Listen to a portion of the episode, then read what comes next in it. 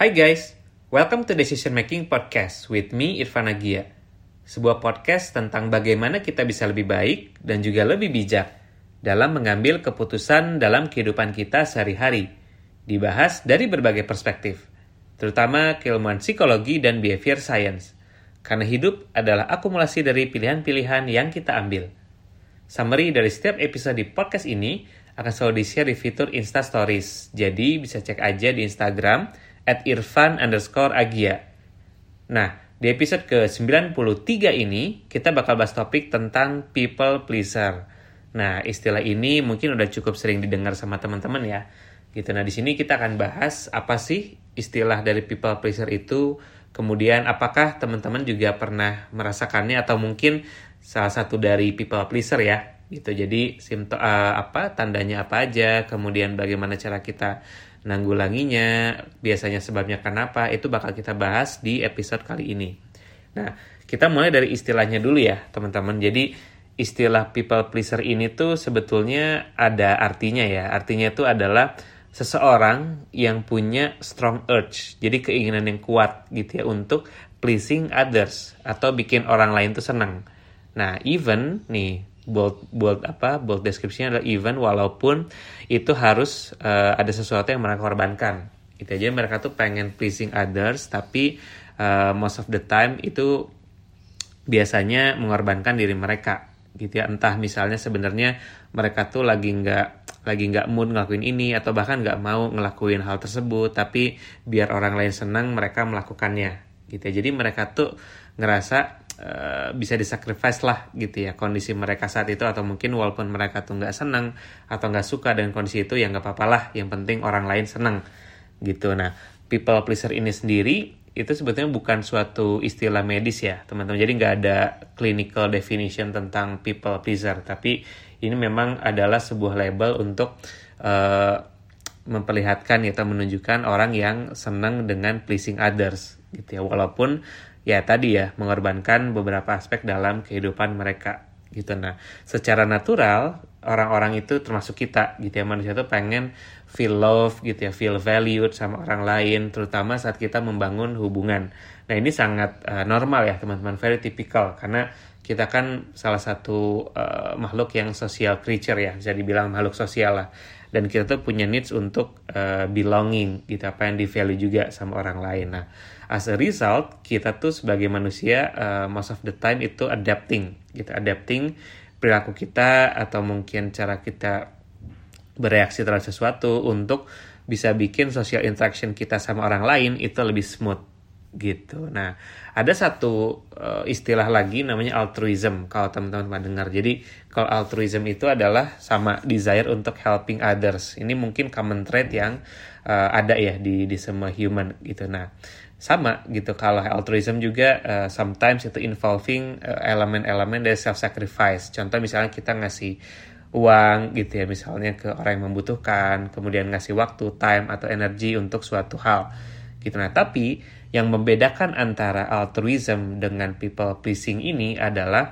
kalau people pleasing ini tuh sulit untuk dihentikan difficult to stop lah gitu ya. Nah kalau orang itu udah uh, menjadi people pleaser mereka tuh punya urgency dan needs untuk uh, apa uh, apa whatever others want gitu ya kita coba untuk fulfill gitu ya. Dan ini pun bisa covering up uh, apa yang sebenarnya kita rasakan gitu ya. Nah jadi uh, kalau orang ngelihat gitu ya orang-orang people pleaser ini tuh sebenarnya bisa dilihat orangnya tuh agreeable gitu ya mudah setuju lah gitu ya terus helpful baik kind gitu ya tapi memang itu jadi bumerangnya pada diri mereka sendiri seperti itu. Jadi mungkin setelah kita people pleasing someone gitu ya, kita tuh temporarily ngerasa uh, enak ya good gitu ya. Wah uh, happy nih mereka juga ternyata suka dengan apa yang gue lakukan apa yang gue berikan gitu. Tapi this feeling itu tuh nggak akan last long gitu kan. Karena kita mungkin perlu lagi continuing apa melakukan hal tersebut over and over untuk ngerasa uh, kita tuh di love atau atau dikasih attention gitu ya. Nah uh, eh, gue baca ada artikel menarik juga dari Medical News Today ada beberapa sign gitu ya tanda tanda-tanda gitu. Nah ini mungkin uh, teman-teman juga bisa relate gitu ya kira-kira apakah gue pernah melakukan hal ini atau mungkin gue sering gitu ya uh, menjadi seorang people pleaser. Jadi ada beberapa tandanya teman-teman. Pertama adalah orang yang people pleaser itu susah banget untuk say no terhadap beberapa request atau permintaan yang datang ke mereka gitu ya jadi susah banget jadi uh, aduh nggak enak deh kalau nolak sesuatu gitu ya. Yang kedua adalah kita tuh jadi sering uh, memikirkan apa yang orang lain pikirkan terhadap kita. Jadi takutnya kalau kita nggak melakukan hal ini, kita ngerasa aduh nanti orang lain ngerasa kita tuh sombong nggak ya, kita tuh jahat nggak ya. Jadi we are preoccupied with what other people think gitu ya. Terus yang kedua juga kita uh, mungkin jadi sering overcommit terhadap suatu plan, terhadap suatu project gitu ya. Jadi yang mungkin uh, komitmennya sebenarnya santai-santai aja tapi kita jadi over commit biar uh, selesai lebih cepat dan ngerasa bikin orang lain tuh apa happy gitu. Terus juga apa biar kerjaan orang lain juga nggak terlalu banyak gitu kan. Terus juga uh, beberapa hal lain adalah kita sulit untuk disagree gitu ya. Ketika ada suatu konflik atau diskusi atau debat gitu ya. Jadi uh, sulit untuk disagreeing gitu ya. Jadi kayak ya sama kayak tadi awal ya iya iya aja gitu ya Terus juga uh, sign lain adalah kita tuh go along dengan sesuatu yang sebenarnya kita nggak suka gitu. Tapi yaudah deh daripada nanti jadi ribet atau jadi apa jadi panjang urusannya atau terjadi friksi jadi nggak apa-apa kita melakukan sesuatu yang sebenarnya kita tuh nggak suka. We're not happy about it tapi we avoid to create friction gitu. Dan terakhir adalah signnya yang ini mungkin eh, nggak uh, apa nggak bagus juga ya teman-teman. Kita tuh taking blame kita taking blame even ketika sesuatu itu tuh bukan salah kita sebenarnya. Jadi ya udah deh uh, daripada manjang gitu ya, atau daripada apa orang lain itu jadi nggak suka ya udah deh ya ini ini salah gua dah gitu ya, istilahnya. Nah jadi orang-orang dengan tendensi seperti ini akan merasakan berbagai hal. Kayak contoh kita tuh jadi ngerasa ada pressure teman-teman. Kita jadi pressure untuk selalu friendly selalu nice selalu cheerful at all times gitu kan terus juga kita efeknya jadi stres juga teman-teman. Stresnya karena uh, apa kita jadi ngerasa kita punya komitmen gitu ya untuk uh, pleasing others gitu. Dan bahkan kita bisa jadi frustrated juga gitu ya. Kalau kita tuh terlalu menyempatkan waktu kita tuh untuk orang lain semuanya pokoknya orang lain dulu deh gue nanti belakangan gitu ya terus-terusan. Dan itu bakal jadi kita nggak punya time untuk ourselves gitu kan. Dan juga bisa jadi gitu ya dengan sifat kita yang people pleasing ini orang lain juga taking advantage of us gitu kan. Jadi ah uh, apa manfaatin gitu misalnya. Nah sebabnya apa sih uh, orang tuh bisa jadi seorang people pleaser gitu atau causes of this people pleasing ini? Jadi banyak banget sebenarnya faktornya teman-teman. Jadi beberapa hal. Yang pertama itu uh, bisa jadi kita tuh punya low self esteem ya. Kepercayaan diri kita rendah gitu. Jadi kalau orang yang punya apa uh, perasaan gitu feeling our worth itu less than others gitu ya mungkin ngerasa kita unimportant kita bakal advo apa uh, berusaha sebaik mungkin gitu ya untuk uh, orang lain bikin orang happy tapi kita jadi less aware terhadap uh, apa yang kita mau gitu kan. Jadi kayak bahkan ada yang ngerasa uh, kita tuh nggak punya purpose gitu kalau kita tuh nggak bisa helping others. Sebenarnya bagus ya secara definisi gitu ya altruism. Tapi ketika kita terlalu mengedepankan orang lain gitu ya dibanding diri kita itu juga bisa jadi karena kita punya low self esteem gitu ya. Terus yang kedua bisa jadi karena anxiety. Kita tuh cemas gitu ya cemas uh, karena uh, beberapa orang itu try to please others karena mereka tuh punya kecemasan gak bisa fit in.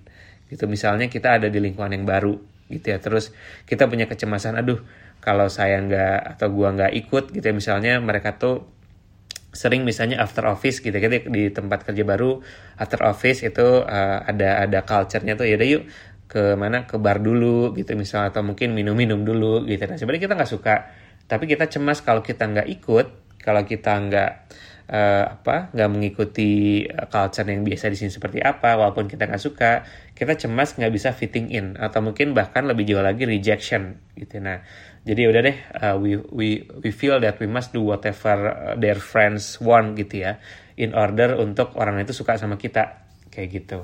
Terus yang ketiga juga insecure gitu bisa jadi karena insecurity karena uh, worry ketika kalau kita nggak melakukan hal tersebut gitu ya orang tuh jadi nggak suka sama kita gitu kan.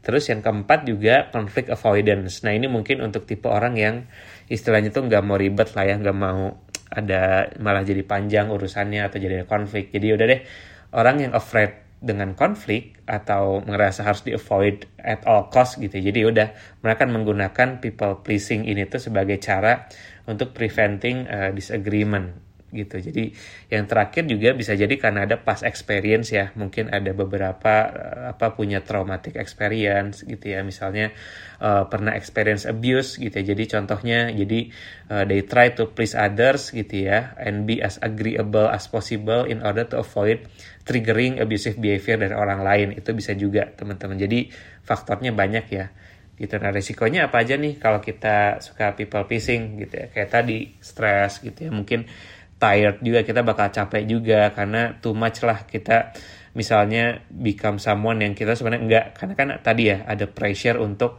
selalu cheerful gitu ya selalu kind selalu agree di at all of the apa at all of the context. Itu lama-lama nanti capek juga gitu ya. Terus juga yang mungkin nggak kerasa adalah loss of identity gitu ya. Karena ketika kita ingin pleasing others tapi konteksnya tuh berubah-ubah gitu ya. People pleasing di kantor people pleasing di pertemanan people pleasing di hubungan gitu ya.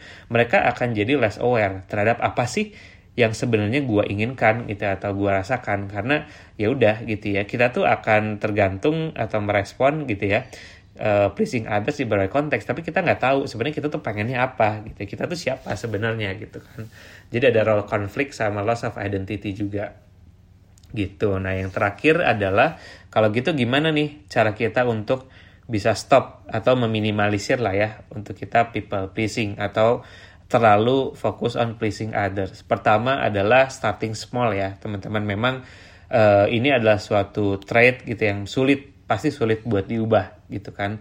Jadi uh, don't apa ya, don't eh, take too much on yourself, starting small aja. Jadi kayak try to commit aja gitu ya uh, untuk komit beberapa hal aja gitu. Jadi memang menyuarakan apa yang benar-benar kita inginkan, komit sama satu hal tersebut gitu kan. Jadi uh, apa at least kita take control atau menyuarakan voicing out what we want atau what we need gitu kan.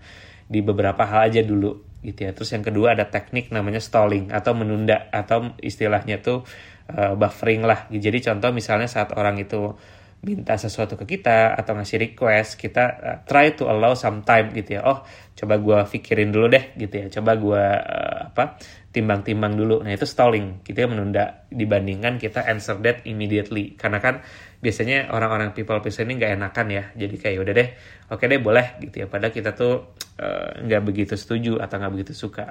Terus yang ketiga, kita juga bisa setting time limits. Jadi contoh saat kita saying yes to something, kita juga bisa include time limitnya gitu ya. Kayak contoh misalnya, eh boleh nggak uh, apa uh, nitipin uh, sesuatu atau jaga jaga ponakan gitu misalnya gitu ya. Atau jaga siapa jaga orang gitu. Jadi kayak oke okay, boleh tapi gue bisanya di jam sekian sampai jam sekian. Atau bisa di hari ini doang gitu ya. Misalnya sampai tiga hari atau lima hari itu nggak bisa gitu misalnya. Jadi kita bisa set uh, the time limits gitu ya. Terus yang terakhir adalah kita juga bisa belajar juga rehearsing apa uh, no gitu ya, say no gitu. Memang saying no itu tuh sangat sulit ya, teman-teman, tapi there are uh, apa a lot of ways gitu yang bisa kita pelajari gitu. Gue juga udah sempat bahas ini di episode podcast sebelumnya gitu. Jadi teman-teman bisa coba dengar juga karena uh, saying no ini adalah sebuah skill ya, teman-teman.